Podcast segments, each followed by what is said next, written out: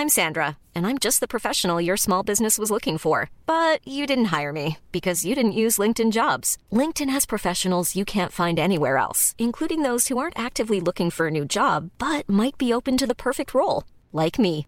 In a given month, over 70% of LinkedIn users don't visit other leading job sites. So if you're not looking on LinkedIn, you'll miss out on great candidates like Sandra. Start hiring professionals like a professional. Post your free job on linkedin.com/people today. Burrow is a furniture company known for timeless design and thoughtful construction and free shipping, and that extends to their outdoor collection. Their outdoor furniture is built to withstand the elements, featuring rust-proof stainless steel hardware, weather-ready teak, and quick-dry foam cushions. For Memorial Day, get 15% off your Burrow purchase at burrow.com slash ACAST and up to 25% off outdoor. That's up to 25% off outdoor furniture at burrow.com slash ACAST. Hey there, it's Michelle Norris. I'm host of a podcast called Your Mama's Kitchen. When I travel, I'm usually looking for a way to find a taste of home when I'm not at home. And one of the things I love to do when I am at home is entertain. And Airbnb allows me to do that. When I was in California recently, I rented a house that had a great kitchen. And when we were sitting around the table, we we're all thinking, we're in someone else's house. Someone could be in all of our homes as well. If you have a home, but you're not always at home, you have an Airbnb. Your home might be worth more than you think. Find out how much at airbnb.com/slash host.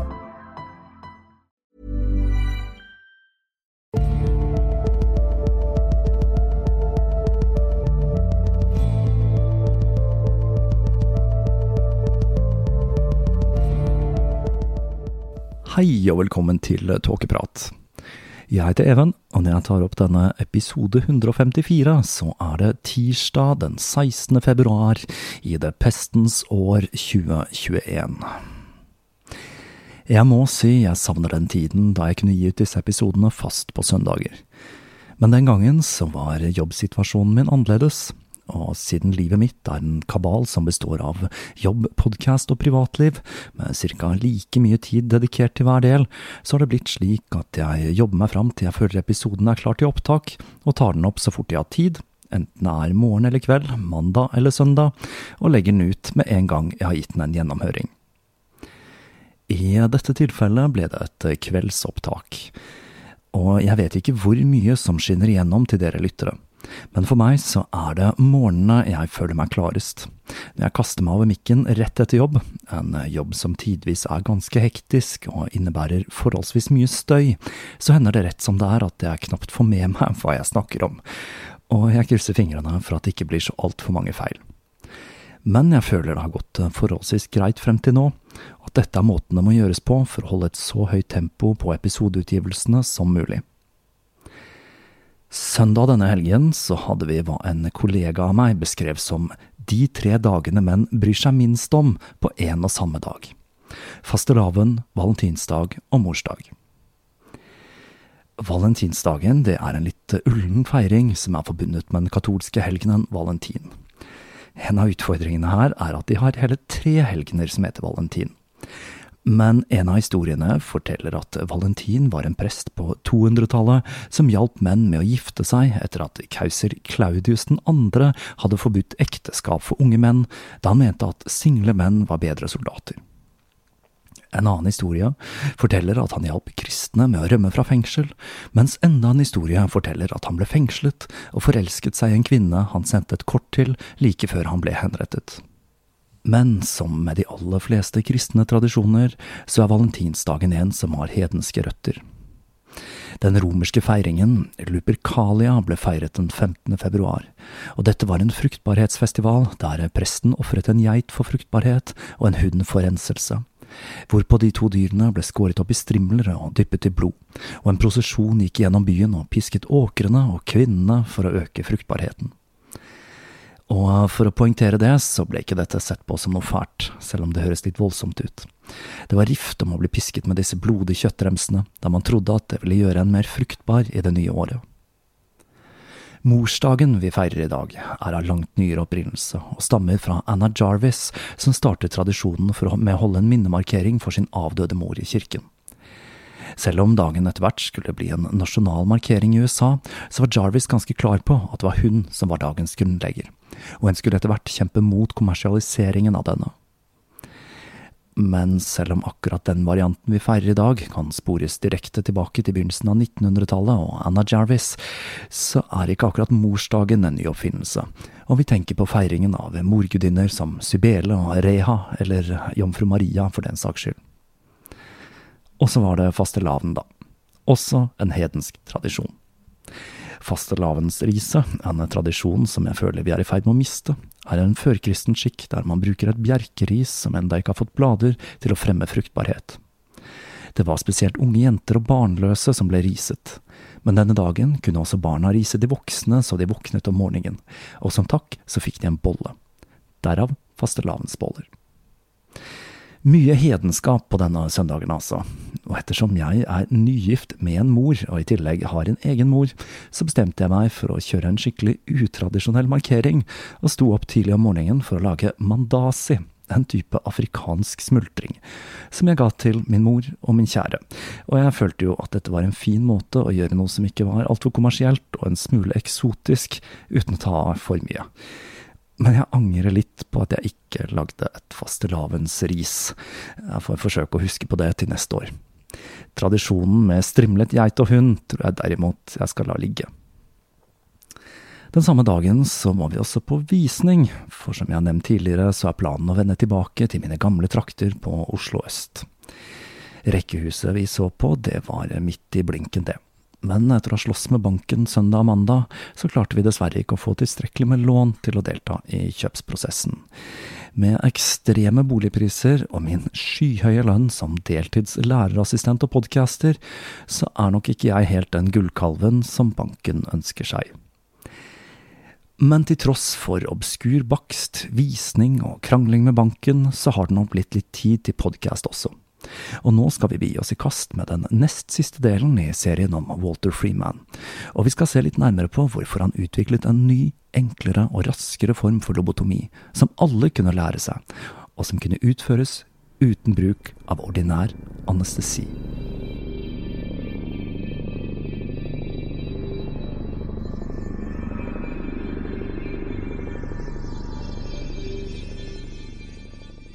Samarbeidet mellom Freeman og Watts var litt underlig. Under normale forhold så var det Watts som var nevrokirurgen som ville ha styrt operasjonssalen. Men siden Freeman, som aldri hadde studert kirurgi inngående, var så entusiastisk, så var det han som svingte leukotomen. Til tross for at dette var imot reglene, ikke bare til George Washington University, men til de aller fleste medisinske institusjonene i USA. Freeman likte best å selv bli omtalt som nevrokirurg, nemlig, selv om han ikke var det. Ved en anledning hadde han utført operasjonen på egen hånd da Watts hadde blitt syk, og dette hadde skapt stor furore ved George Washington. På grunn av dette ble han bedt om å søke tillatelse til å utføre kirurgiske inngrep ved sykehuset. Men Walter han visste godt at han ikke ville få det, så for å unngå mer bråk, så sørget han heller for at Watts var til stede under operasjonene. Etter å ha presset igjennom hele 20 lobotomier i 1936, satte de ned tempoet i 37, og opererte kun tolv pasienter, mens de finpusset på teknikken til Moniz ved å bytte ut leukotomen med en type kniv, og de brukte ressurser på å reklamere for teknikken fordi man hadde en slik klokketro på. På årsmøtet til The American Medical Association, som tiltrakk seg mer enn 7000 leger fra hele USA, satte de sammen en utstilling som besto av fotostudier av lobotomipasienter, torotrast-røntgenbilder, og ikke minst to levende aper, hvorav den ene hadde blitt lobotomert. Freeman sin evne til å formidle og lage show gjorde at de fikk oppmerksomheten til pressen, og den 6. juni dukket en artikkel opp i New York Times under overskriften Kirurgi for sjelesyke, hvor man kunne lese at den nye kirurgiske teknikken, psykokirurgi, kunne forvandle ville dyr til rolige pasienter, og at operasjonen kuttet vekk de syke delene av pasientens personlighet. Lite visste artikkelforfatteren at den lobotomerte apen døde av hjerneblødning før artikkelen ble publisert. Freeman følte seg klar for å sette i gang med storstilt lobotomering av horder med pasienter, og han var på utkikk etter et sykehus som ville la han og Watts forsyne seg av pasientene. Han håpet at St. Elisabeths kunne hjelpe til høsten 1936. Men direktøren, William White, Freemans tidligere sjef, var blitt syk, og han hadde andre ting å tenke på. Når han først fikk snakket med Walter, forklarte han at det fremdeles var en liten vei igjen å gå før han fikk overtalt de yngre legene ved sykehuset om at psykokirurgi var tingen. I tillegg så var det en utfordring med samtykke fra familiene. Det hendte nemlig titt og ofte at familiene ønsket å rydde slektningene ved institusjonen av veien, og det å utsette familiemedlemmet for en potensielt livsfarlig operasjon, det kunne være fristende for mange. Til tross for at Freeman var overbevist om at lobotomi hadde sin plass i medisinsk historie, så var han klar over at prosedyren kom til å bli svært kontroversiell ikke minst på grunn av konflikten mellom de som mente at mental sykdom hadde sin opprinnelse i det organiske, og de som mente at den var rent psykologisk. Jean-Marie Charcot, den franske patologen vi husker fra forrige episode, brukte for eksempel årvis på å finne den biologiske årsaken til hysteri. Det fant han ikke, og det er jo ikke så rart, ettersom denne diagnosen bare var fjas. Men med den økende forståelsen av menneskets sentralnervesystem og anatomi, økte også troen på at det kunne være en sammenheng mellom biologi og psykisk sykdom. Men på 1890-tallet hadde dette synet i stor grad måttet vike av Freud og psykoanalysen. Men til tross for denne nye metoden, så hadde psykologien lite å stille opp med når det gjaldt tungt psykotiske pasienter og man så på fysiske metoder som elektro- og insulinsjokk som lovende behandlingsmetoder for de tyngste pasientene. I desember 1936 advarte Moniz Friedman om at han var i ferd med å havne midt i konflikten mellom tilhengere av den organiske og den psykologiske forklaringsmodellen på psykisk sykdom. Moniz skulle senere bemerke at denne filosofiske konflikten hindret vitenskapelig utvikling, og at begge sidene var blinde for den andre sidens argumenter. Selv skulle Friedman oppleve at en pasient han opererte på i 1937, og som kom seg såpass at hun tok en doktorgrad i matematikk, skulle si at det var psykoanalysen hun hadde gjennomgått etter operasjonen, og ikke psykokirurgi som hadde gjort henne frisk. Freeman Watts bemerket at hun hadde vært så plaget av angst at hun hadde vært ute av stand til å leve et normalt liv i åtte år før operasjonen. Så her er det jo lett å tenke seg at det kanskje var en kombinasjon som gjorde at hun ble frisk. Hvem vet? Dette er jo det klassiske høna eller egget. Det var selvsagt også en del etiske spørsmål ved prosedyren. Ikke bare var samtykke til pasientene tvilsomt, men selv Freeman og Watts hevdet ikke at selve hjernevevet var sykt, kun at pasienten kunne leve et bedre liv dersom deler av hjernen ikke kommuniserte med hverandre. Kritikere pekte på at man endret på ting som personlighet, humor, altruisme og følelser med prosedyren, Kort sagt karakteristikker som gjør et menneske til et menneske. Prosedyren skulle også vekke en del religiøs debatt. Men til slutt avgjorde den katolske kirken at lobotomi kunne rettferdiggjøres dersom ingen andre, mindre drastiske metoder kunne bedre livskvaliteten til pasienten. Og studiene til What's a Freeman viste at lobotomi ikke hadde noen påvirkning på pasientens religiøse liv. Tvert imot så beskriver Freeman ofte hvordan pasientene han fulgte opp i årene etterpå, hadde religion som en sentral del i livene sine.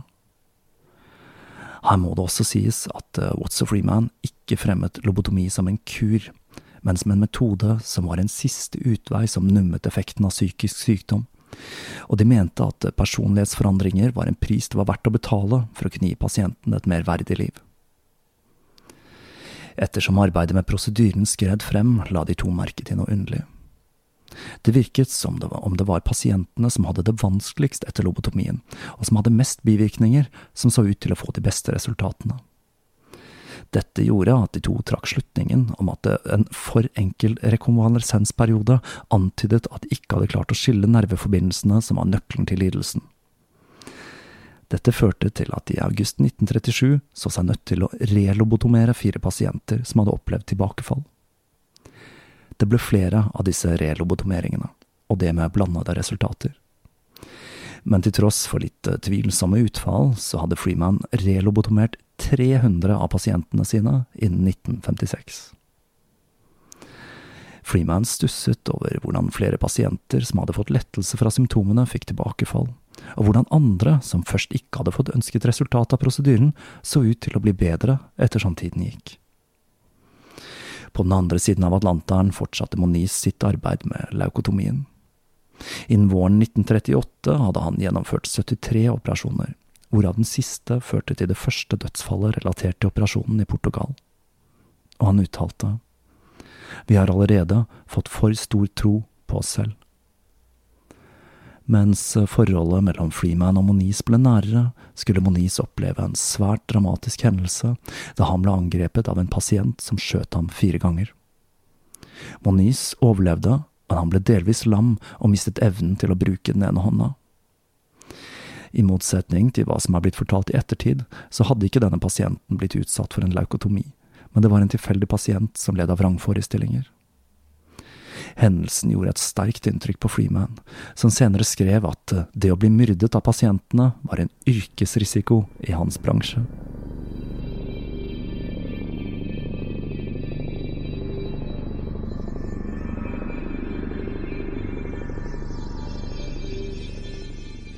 Mens Moniz kom til hektene, skulle presset fra psykoanalyseorienterte psykiatere sørge for at han la arbeidet sitt med psykokirurgi på is.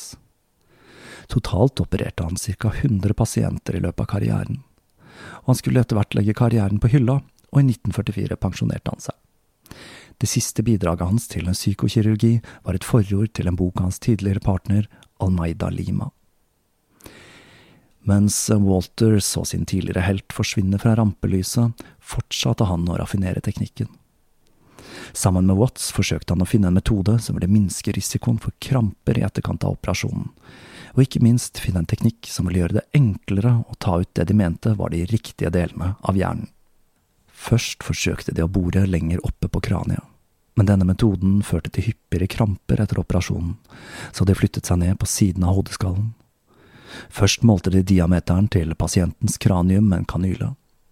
Freeman skriver at Watts var en så dyktig nevrokirurg at han kunne stikke kanylen inn i det ene hullet så den kom ut på den andre siden av hodet uten at han kom borti en eneste arterie. Eller for å sitere Watts selv, It's pretty damn dramatic, you know. Han sa videre at dette alltid imponerte tilskuerne. Etter å ha målt pasientens kranie benyttet de seg av et nytt instrument, en Killian Periosteel Elevator. Jeg er altså litt usikker på det norske navnet på dette instrumentet, som ligner en brevåpner med en buet ende og en bevegelig arm. Hvis det er noen der ute som er dypt bevandret i hjernekirurgi, så må dere gjerne kontakte meg med den riktige norske betegnelsen på dette instrumentet. De hadde fått spesiallaget disse nye instrumentene av Henry Ator fra Washington, som hadde personalisert dem med å gravere inn navnet deres. Watts uttalte at det var mye lettere å føle seg fram i hjernen med dette nye verktøyet, og at man kunne kjenne motstanden fra blodårer og lignende, og dermed redusere sjansen for alvorlige blødninger. Denne nye metoden var en Watts og Freeman døpte presisjonsmetoden, fordi den ga mer kontroll enn når man gikk inn i hjernen fra oversiden. Jeg må jo si jeg liker denne tanken på å føle seg fram i hjernen. De forsøkte også andre teknikker, men disse gikk det ikke så bra med og pasientene viste tegn på alvorlig skade på frontallappen, som inkontinens og sløvhet. Over tid skulle de utvikle flere teknikker. Fra den såkalte minimale lobotomien, der de gjorde noen enkle inngrep for minimal effekt, gjerne om pasienten var eldre og sårbar, til den radikale lobotomien, hvor de gikk så grundig til verks at pasienten mistet en vesentlig del av personligheten sin. En prosedyre de benyttet seg av når det dreide seg om alvorlig schizofreni og lignende. I verste fall kunne denne prosedyren føre til at pasienten mistet all vilje til å bevege seg.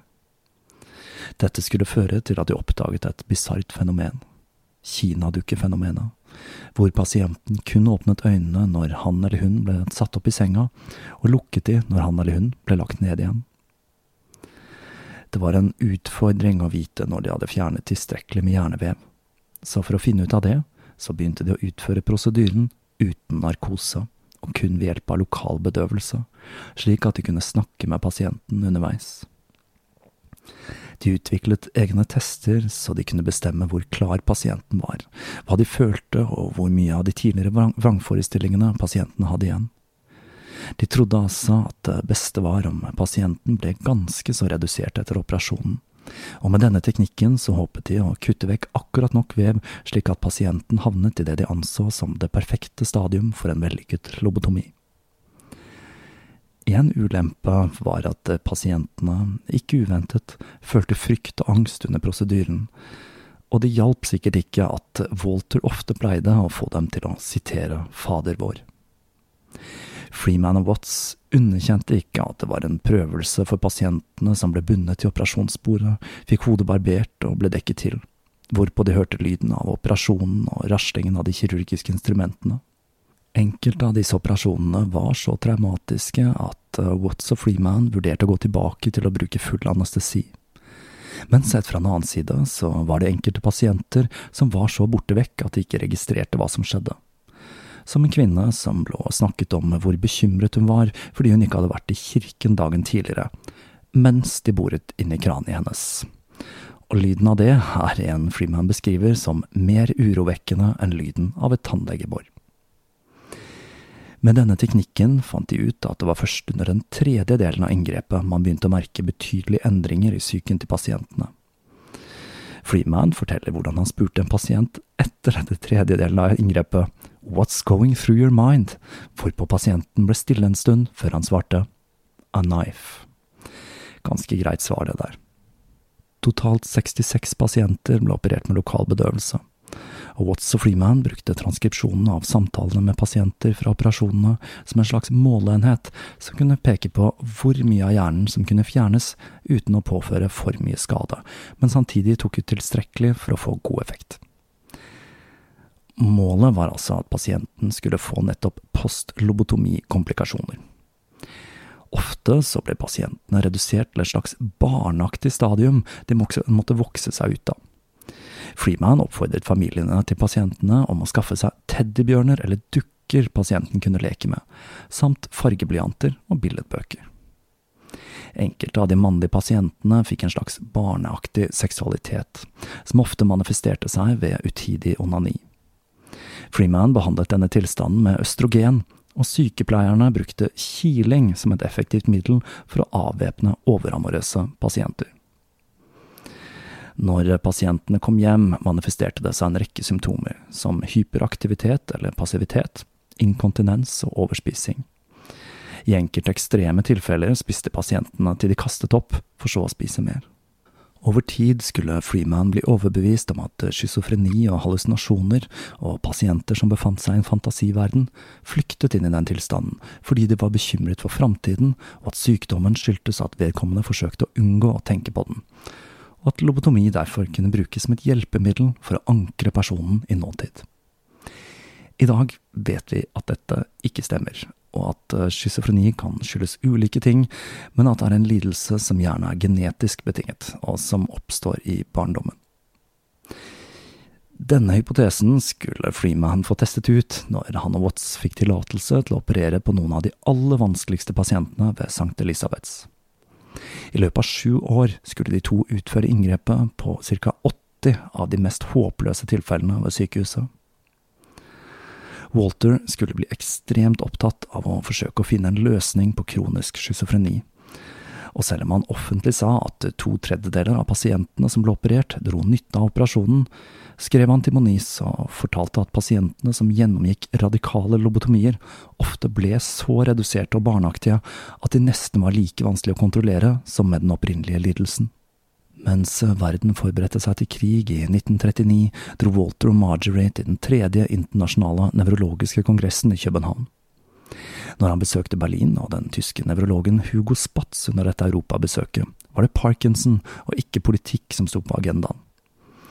Men Freeman ble skuffet over at de fleste tyske leger hadde liten interesse av psykokirurgi.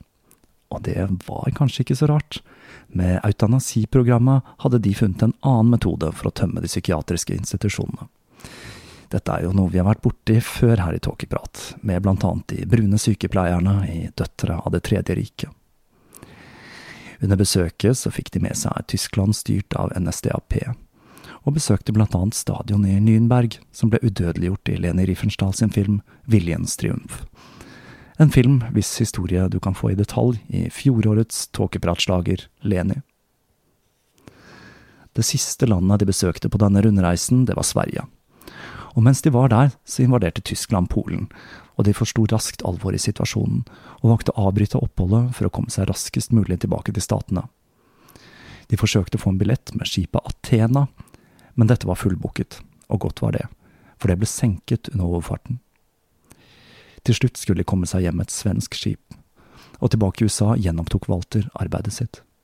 Dette europabesøket var et skuffende et for Freeman, for avstanden mellom tilhengere av den biologiske og den psykologiske forklaringsmodellen på psykiatriske lidelser var større i Europa enn i USA.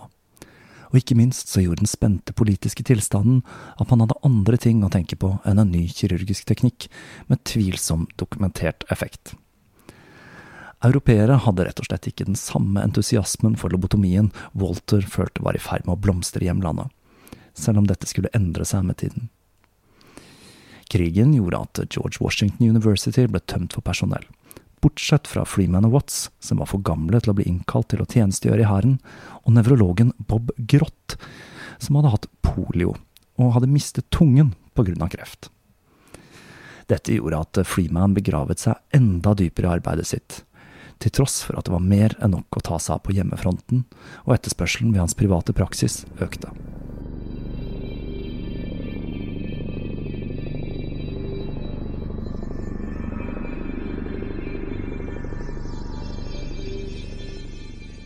I 1942 begynte han igjen å kjenne på symptomene til utmattelse, som søvnløshet og dårlig fordøyelse men han forsøkte å skjule dette fra Marjorie, og sluttet å spise hjemme for å skjule at han gikk på diett. Noe som førte til at Marjorie trodde at han ikke likte å være hjemme med familien lenger, og noe som markerte begynnelsen på Ready to pop the question? The jewelers at BlueNile.com have got sparkle down to a science with beautiful lab-grown diamonds worthy of your most brilliant moments. Their lab grown diamonds are independently graded and guaranteed identical to natural diamonds, and they're ready to ship to your door. Go to Bluenile.com and use promo code LISTEN to get $50 off your purchase of $500 or more. That's code LISTEN at Bluenile.com for $50 off. Bluenile.com code LISTEN. Hi, I'm Daniel, founder of Pretty Litter. Did you know cats tend to hide symptoms of sickness and pain? I learned this the hard way after losing my cat, Gingy. So I created Pretty Litter, a health monitoring litter that helps detect early signs of illness by changing colors, saving you money and potentially your cat's life. Pretty Litter is veterinarian developed, and it's the easiest way to keep tabs on your fur baby's health right at home. Go to prettylitter.com and use code ACAST for 20% off your first order and a free cat toy. Terms and conditions apply. See site for details. Slutten på hva som hadde vært et lykkelig ekteskap. Til tross for at han åpenbart var overarbeidet, nektet han å sette ned tempoet. Og for å forsøke å ta vare på helsen, så fulgte han sitt eget råd og gikk lange turer hver dag. Et valg som var ganske enkelt å ta, da det var strenge rasjoneringer på drivstoff av krigen. I tillegg til alt det andre han drev med, så brukte han tiden under krigen på å reise rundt i landet for å forelese om stressreduksjon. Han var nemlig redd slutten på krigen ville føre til at mange ikke hadde utløp for stress, og i disse forelesningene sa han at amerikanere måtte slutte å være tilskuere, slutte å sitte og se på eksperter utøve idrett, og heller gjøre det selv. Igjen et ganske godt råd fra Freeman der. I husholdningen Freeman gikk livet inn i en rutine tilpasset krigen og rasjonering. Datteren Lauren hadde begynt å studere og hadde flyttet hjemmefra. Og Walter skriver at det var blitt en veldig maskulin husholdning, med seks menn og én kvinne, og at huset bar preg av dette. Når Marjorie feiret sitt 20-årsjubileum ved Tariffkommisjonen, fikk hun beskjed om at det var på tide at hun så seg om etter en annen jobb. Tariffer var blitt irrelevante under verdenskrigen, og det var nå, i midten av 1943, hun skulle begynne å drikke tett. Kombinasjonen av usikkerhet rundt jobben og slitet med å være husmor gjorde at hun bestemte seg for å permittere seg den samme høsten. Hun begynte å ta dansetimer, hvor hun ble sjarmert av den svenske danseinstruktøren. For å lette litt på byrden til Marjorie, så forsøkte de å få tak i en hushjelp, men dette var vanskelig av krigen. Men Freeman han fant en løsning, da en pasient han hadde hjulpet ved George Washington, hadde lyst på jobben. Utfordringen var at hun hadde epilepsi, men Freeman sa at dersom Marjorie og barna klarte å venne seg til anfallene, så var han sikker på at hun kunne være til god hjelp. Sakte, men sikkert sluknet kjærligheten i ekteskapet. Utad fungerte de fremdeles som et par, men Marjorie mislikte mer og mer de ekstreme arbeidstidene til Walter. Og den ene sønnen skulle senere fortelle at Marjorie ikke akkurat var hoppende begeistret for at Walter var så til de grader opptatt av lobotomi og trøbbel på hjemmefronten, det førte igjen til at Walter begynte å jobbe enda hardere. For å eksponere et større publikum for prosedyren, så filmet Watts og Freeman en lobotomi i 1940, slik at de kunne ta med seg denne til konferanser og lignende for å vise den frem til leger som var interessert i operasjonen. Samtidig så begynte Freeman å sysle med ideen om å skrive en bok om lobotomi. Frem til da eksisterte det nemlig kun én bok på engelsk om prosedyren, i tillegg til deres egne artikler. Men det første forlaget de forsøkte seg på, takket nei. De mente nemlig at temaet var for kontroversielt. Til slutt skulle de få til en avtale med foreleggeren Charles Thomas. Når dette ble kjent, så ble Charles Thomas kontaktet av en rekke leger som advarte mot de to, men bestemte seg allikevel for å publisere verket. Freeman og Watts skrev ulike deler av boka, Watts fokuserte på det tekniske rundt operasjonen, mens Freeman skrev om teorien bak prosedyren samt historier om pasienter. Siden Walter hadde såpass mye å drive med fra før, så skrev han det meste av boka mellom 0400 og 0700. Dette bidro selvsagt ikke til å bedre forholdet til familien. Freeman skrev en stil som var veldig utypisk for medisinske bøker. Den var muntlig, full av anekdoter og virket mer skjønnlitterær enn annen faglitteratur. Den ferdige boka, som var dedikert til Moniz, til tross for at den tok avstand fra Moniz' forklaringsmodell av psykoser, ble hetende Psykokirurgi, intelligens, følelser og sosial oppførsel etter prefrontal lobotomi for psykiske lidelser. Det var boktittelen sin, det, og forsiden var preget av et fingermaleri laget av en av Walters pasienter boka bar den sensasjonelle krydderteksten Les det siste kapitlet for å finne ut hvordan frontallappen, som blir sagt å være menneskets mest verdifulle eiendel, kan forårsake psykoser og selvmord. Boka, som jeg fra nå av forkorter til psykokirurgi, ble gitt ut i 1942, og ble hyllet av tilhengere av prosedyren, og New York Times skrev at den var mer underholdende enn de aller fleste romaner. Pressen omfavnet ikke bare boka, men de aksepterte hypotesene til Watts og Freeman ukritisk, og de sammenlignet operasjonen med å trekke en tann. Kollegaene til Watts og Freeman kunne derimot styre sin entusiasme, og når Saturday Evening Post publiserte et bilde av Watts og Freeman mens de opererte på en pasient, så ble det skikkelig furore, og det var på nippen at de to ble kastet ut fra George Washington University. Etter å ha gjennomført mer enn 200 lobotomier, følte Watts og Freeman seg så selvsikre at de mente at de kunne bare ved å se på en pasient avgjøre om vedkommende ville respondere positivt på en lobotomi. Og Walter estimerte at en tredjedel av de de hadde operert på, hadde en god effekt av operasjonen. Men det var fremdeles noen utfordringer, da. 2% av pasientene døde, og flere fikk underlige bivirkninger.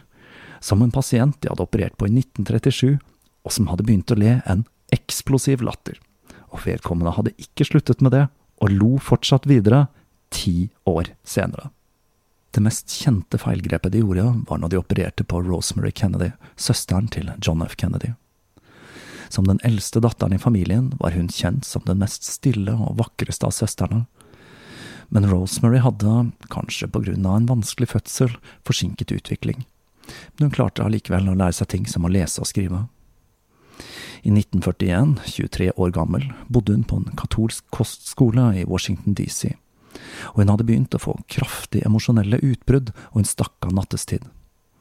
Nonnene der var redd hun plukket opp menn, og fryktet at hun skulle bli gravid eller syk.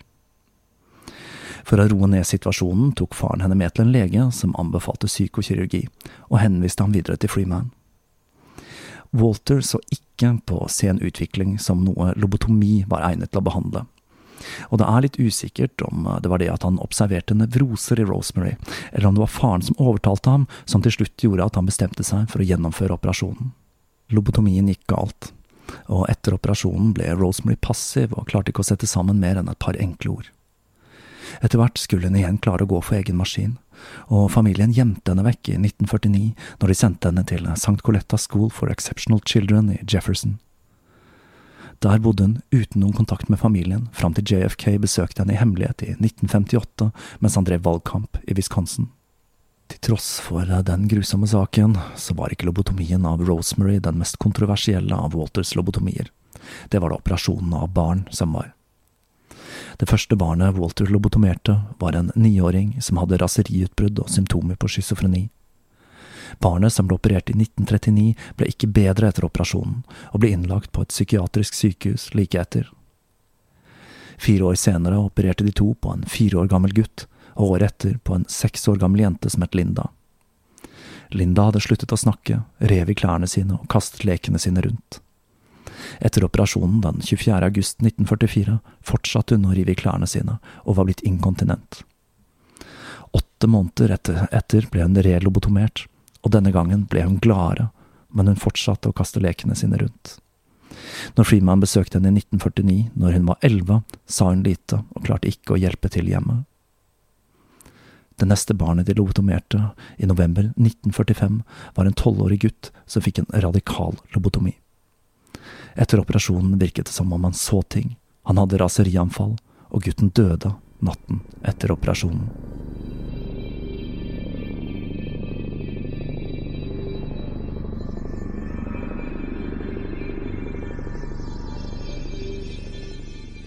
Med slutten av krigen la det seg en apati over statene.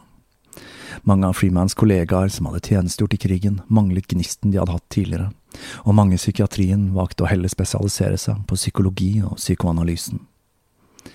Dette gjaldt selvsagt ikke Freeman, som langt ifra hadde mistet troen på potensialet til lobotomi. Han mente utfordringen lå i å gjøre inngrepet tilgjengelig for alle de som trengte det. Etter krigen ble problemet med overfylte mentalsykehus forverret og i 1948 anslo den amerikanske psykiatriske foreningen at institusjonene hadde 50% flere pasienter enn de egentlig hadde kapasitet til. I perioden mellom 1940 og 1945 ble det utført færre enn 1000 psykokirurgiske inngrep ved amerikanske institusjoner. Freeman mente at dette var skandaløst. Men det var noen skjær i sjøen. For det første så var prefrontal lobotomi et svært drastisk inngrep, og det var derfor ikke en metode man benyttet til andre enn de mest desperate tilfellene. For det andre så var inngrep avhengig av nevrokirurger, og det betød også at man trengte operasjonssaler, anestesi og alt det andre som fulgte med. Det var én ting til som plaget Freeman. Tidligere hadde han sagt at lobotomi var en siste utvei, en siste mulighet for pasienter som ellers ville tilbringe resten av sine dager på en institusjon, men nå hadde han snudd på flisa og han begynte å leke med ideen om at lobotomi slett ikke trengte å være den siste utvei, men heller starten på en effektiv terapi. Walter ville påta seg rollen som en ny stemme innen psykokirurgi. En stemme som frontet en ny, enkel og trygg form for lobotomi som skulle være tilgjengelig for allmennheten. Men dette ville ikke la seg gjøre når det var nevrokirurger som måtte utføre prosedyren. De hadde nok å gjøre fra før, og det var rundt 600 000 pasienter ved psykiatriske sykehus rundt om i landet som trengte hjelp. Det viktigste for Freeman var å finne en teknikk som gjorde at hvem som helst, med kun litt kursing, kunne gjennomføre en lobotomi på en trygg og effektiv måte. Han begynte å lese om alternative metoder å utføre hjernekirurgi på. Og da snublet han over arbeidet til Amaro Fiamberti, som var direktør ved et psykiatrisk sykehus i Italia. Fiamberti hadde litt av den samme praktiske tilnærmingen til medisin som Freeman selv, og han hadde forsøkt seg på en ny måte å komme seg inn til frontallappen på. Framfor å bore i kraniet, så hadde han benyttet seg av en åpning som allerede fantes i hodeskallen, øyehulen. Han hadde klart å penetrere den tynne beinplaten bak øyet uten å skade synsnerven, og med denne teknikken hadde han lobotomert et hundretalls pasienter ved å injisere alkohol eller formalin inn i hjernen. Denne prosedyren hadde svært få bivirkninger. Men Fiamberti hadde etter hvert blitt interessert i andre ting, og prosedyren hadde gått i glemmeboka i løpet av krigen. Walter så potensialet i denne teknikken, og var overbevist om at dette kunne være løsningen for å gjennomføre lobotomier uten en nevrokirurg til stede. Og med det satte han i gang med å eksperimentere på kadaver. Den første utfordringen han støtte på, var å finne det rette verktøyet til prosedyren han skulle kalle transorbital lobotomi. Kanyler enten knakk eller knuste bein, og Freeman begynte å lete etter et passende redskap. En dag når han romsterte rundt på kjøkkenet, fant han hva han lette etter. I den ene kjøkkenskuffen fikk han øye på et verktøy som var langt og spist, med et solid håndtak av tre. En ishakke. Walter begynte å eksperimentere med ishakken på kadaveret, og fant ut at eh, ved å presse ishakken inn under det øverste øyelokket og holde redskapet parallelt med nesebeinet mens han siktet litt bort fra midten av hodet, kunne han bryte gjennom beinplaten med kun et lite kakk med hammeren. Siden det kun var små blodårer i det området, følte han seg ganske sikker på at han kunne kjøre ishakken inn hele fem centimeter uten risiko for alvorlige blødninger for så eventuelt å gjøre noen raske kutt med lakotomen om han mente det var nødvendig. Når Freeman holdt foredrag om prosedyren, tok han ofte en kunstpause når han beskrev lyden av ishakken som penetrerte øyebeinet med et hørbart knekk. Walter følte seg sikker på at denne nye prosedyren var så enkel og trygg at de fleste sykehusansatte kunne utføre den med kun litt opplæring, og at den ikke trengte en steril operasjonssal og ikke minst, hele operasjonen tok kun sju minutter. Walter Freeman hadde funnet opp fastfood-versjonen av lobotomi. Walter var klar til å begynne å eksperimentere med den nye teknikken. Men det var et siste hinder, nemlig anestesi. Det er klart at pasienten kunne bli litt engstelig av tanken på å få kjørt en ishakke gjennom øyet og inn i hjernen. Men anestesi krevde anestesileger, og dermed mer byråkrati og mer arbeid. Freeman valgte derfor en løsning som var allment tilgjengelig på psykiatriske institusjoner – elektrosjokk. Han ga pasienten en serie med elektrosjokk slik at de ble bevisstløse. Og det beste med dette var at pasienten ofte glemte hva som hadde skjedd i de første minuttene før operasjonen begynte, og det var jo en bonus. Noen mistet faktisk såpass mye av hukommelsen at de glemte at de i det hele tatt hadde blitt lobotomert. Bruken av elektrosjokk som anestesi var uvanlig, men dette var ikke en ny teknikk, og selveste Nikola Tesla hadde eksperimentert med dette så tidlig som i 1898. Men til tross for at dette ikke var en helt ny greie, så var nettopp elektrosjokkdelen av prosedyren noe av det som var mest urovekkende for tilskuerne under operasjonene.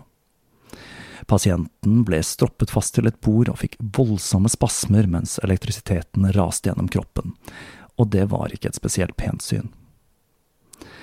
Freeman bestemte seg for at den første transorbitale lobotomien ikke skulle utføres på et sykehus. Det var to grunner til det. For det første så visste han at det kom til å bli kontroversielt, og at det kunne skade ryktet hans. For det andre så var han lei av at alt skulle være så sterilt. Han følte at det ikke var nødvendig å sterilisere så mye med denne nye teknikken, bortsett fra at han byttet leukotom mellom hver operasjon. Så de første ti transorbitale lobotomiene ble utført ved hans private kontor, og på pasienter som var villige til å ta risikoen forbundet med prosedyren. Den første operasjonen fant sted i januar 1946. Det var den 29 år gamle Ellen Ionesco, som var plaget av spasmer, mani og depresjon, og etter hvert var blitt suicidal. Alle symptomer Freeman mente gjorde henne til en god kandidat for å gjennomgå en lobotomi. Freeman var litt forsiktig i denne første operasjonen. Han opererte kun den ene siden og ventet en uke før han tok den andre. Ellen følte seg dårlig etter operasjonen, men hun fikk kun det eneste synlige tegnet man får etter en transorbital lobotomi, nemlig blåveis. Etter lobotomien forsvant alle symptomene til Ellen, men det skulle gå lang tid før hun virket helt i stedet igjen. Freeman skulle ha veldig nær kontakt med henne i årene etter operasjonen, og det er mye sannsynlig at de to utviklet et romantisk forhold. Mot slutten av livet skulle den mentale tilstanden hennes avta igjen, og hun begynte å få hallusinasjoner av vrangforestillinger. Men de suicidale tankene, de vendte aldri tilbake. Når Freeman hadde operert på flere pasienter, begynte den gamle entertaineren å skinne. Etter hvert så utviklet han nemlig en teknikk slik at han kunne operere begge sider på én gang med én leukotom i hver hånd. Det virket som om han var inne på noe. Operasjonen så ut til å ha mindre bivirkninger enn den prefrontale lobotomien, og de vanligste bivirkningene var blåveis og litt hodepine, og pasienten kunne som regel dra hjem etter bare noen timer. Men makkeren til Freeman, Watts altså, han var ikke så begeistret for den nye teknikken. Det finnes litt ulike versjoner av fortellingen om hvordan han oppdaget hva Freeman holdt på med. Men om vi skal tro Watts sin versjon, så ble han tipset om hva Walter holdt på med av en assistent. Da han kom inn på kontoret, fant han Freeman med en pasient som hadde en ishakke stikkende ut fra øyet, og Freeman ba Watts holde hakken mens han tok et bilde. Watts ble rasende og sa at hjernekirurgi var ikke noe man skulle utføre på et vanlig legekontor, og at han ville kjempe mot at Freeman skulle kunne utføre den nye prosedyren ved George Washington University. Dette må jo ha vært litt vanskelig for Watts, siden han og Freeman hadde vært side om side under hele utrulleringen av lobotomien i USA. Men nå var altså tiden inne for at veiene deres skulle skilles. Men utad skulle de holde denne konflikten skjult. Ikke helt ulikt ekteskapet til Freeman der, altså. Walter tok advarselen til etterretning, og begynte å utføre den nye operasjonen ved to mindre sykehus i området, i tillegg til ved sin private praksis. Walter skulle strekke strikken langt for hvor han utførte lobotomier. I 1950 ble han frustrert da en pasient ikke hadde dukket opp til den avtalte timen for tredje gang. Og da han fikk vite at vedkommende hadde blitt anholdt av politiet ved et motell i Betesta, pakket han sammen en portabel elektrosjokkmaskin og gjennomførte lobotomien på motellet, med hjelp fra politiet som holdt pasienten nede så han kunne administrere elektrosjokk. Siden det var vanskelig å få betalt for denne cowboy-lobotomien, tok Freeman kontakt med forsikringsselskapet for å få betalt for inngrepet. Og etter en liten dragkamp så fikk han til slutt pengene for operasjonen. Konflikten mellom Watts og Freeman skulle nå nye høyder i 1947, når Watts fortalte Freeman at han syntes bruken av elektrosjokk som anestesi var en uting. Og ikke minst at han var sterkt imot Freemans hypotese om at bruken av robotomi tidlig i et sykdomsforløp var en god måte å starte en behandling på. Men helt uinteressert var han ikke. I 1948 spurte han om å få være til stede under en transorbital lobotomi noe Freeman selvsagt takket ja til. For å gjøre det hele ekstra spennende, så erstattet Freeman den kirurgiske hammeren med en vanlig snekkerhammer, og etter å ha hakket seg gjennom øyehulen, så la han hammeren på magen til pasienten. Watts grøsset over denne prosedyren, hvor all kirurgisk bekledning og antiseptiske midler var totalt fraværende. Men like fullt skulle Watts utføre transorbitale lobotomier for å teste ut denne nye teknikken og i perioden mellom 1949 og 1956 så utførte han totalt 28 stykker. Men til tross for denne eksperimenteringen, så var han svært opptatt av å fortelle studentene sine at dette var en teknikk man kun kunne benytte i ekstreme tilfeller og på svært syke pasienter. Og i motsetning til Freeman så brukte Watts ordinær anestesi, og ikke elektrosjokk mens Walter forsøkte det han kunne å etablere transorbital lobotomi som en legitim psykiatrisk behandling, ble familien rammet av en tragedie som skulle ryste grunnvollene til et ekteskap som allerede var i ferd med å falle fra hverandre. Sommeren 1946 dro familien som vanlig på tur. Flere av barna var voksne og hadde andre ting å gjøre, men de to yngste barna, Keen på elleve og Randy på ni, samt to av Freemans nevøer, ble med på kjøreturen. De bestemte seg for å tilbringe ti dager i Yosemite nasjonalpark, og Walter forsøkte uten hell å overbevise Marjorie om å bli med. Den 8. juli gikk Walter og hans to sønner på en tur til toppen av Vernal Falls, et 100 meter høyt fossefall i Merced River. Det var en varm dag, og Walter hadde glemt å fylle vannflaskene, så han de kom til toppen, bøyde Keane seg ned for å fylle flasken. Han mistet flasken i vannet og mistet balansen når han forsøkte å få tak i den. Freeman hørte et rop, og da så han at Keane lå i vannet og kjempet mot strømmen. Dale Loose, en 21-åring som var på perm fra marinen, var også der, og han kastet seg ut i elva for å redde gutten. Han klarte å svømme ut til han, men da innså han til sin forskrekkelse at han ikke nådde bunn. En annen mann på stedet forsøkte å få tak i de to, men de var utenfor rekkevidde. Det siste Freeman så av sin sønn, var frykten i ansiktet når strømmen førte ham over kanten og ned fossefallet. Walter ble grepet av panikk og begynte å rope Keen, Keen, du er død, du har blitt drept. Det skulle vise seg at denne intuisjonen var riktig. Det skulle gå en hel uke før de fant liket til sønnen, og med hans dødsfall, og med den bunnløse sorgen over tapet av et barn, gravde Walter seg enda dypere ned i det eneste som ga livet hans mening – transorbital lobotomi.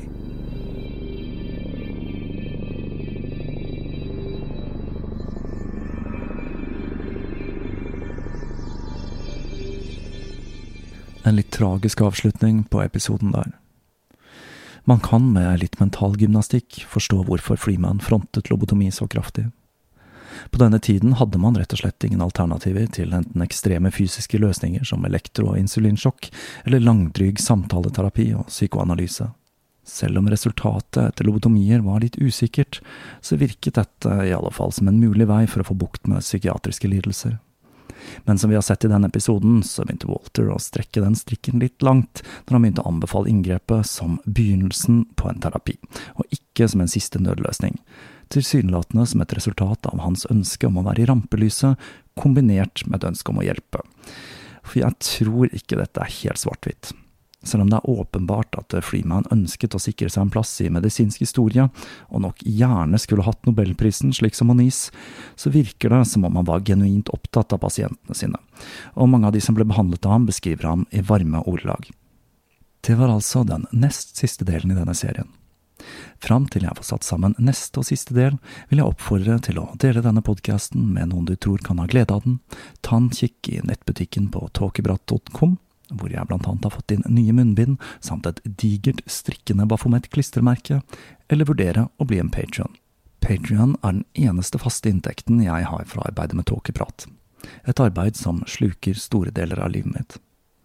Ved å støtte podkasten der, så gir du meg et fast månedlig beløp, som kan være så lavt som ti kroner i måneden, noe jeg tror de fleste har råd til, og noe som betyr enormt mye for meg. Det gjør at jeg kan gå til banken og vise at jeg ikke bare sitter hjemme og tvinner tommeltotter når jeg ikke gjeter ulydige barn. Og snakker om barn, jeg har lenge harselert med skrivemåten til podcast. Helt fra starten gikk jeg bevisst inn for å skrive ordet med C. For meg så uttales podcast med K som podkast. Jeg er ikke helt sikker på hva dette er for noe, og etter å ha sittet og filosofert litt over dette med en venn, så kom vi fram til at dette ordet må komme fra å kaste poden. Og det, kjære lyttere, podekasting, det holder jeg meg for god til. Men nå rører jeg meg helt vekk her. Ta vare på dere selv der ute i pandemien. Vi høres igjen om ikke lenge.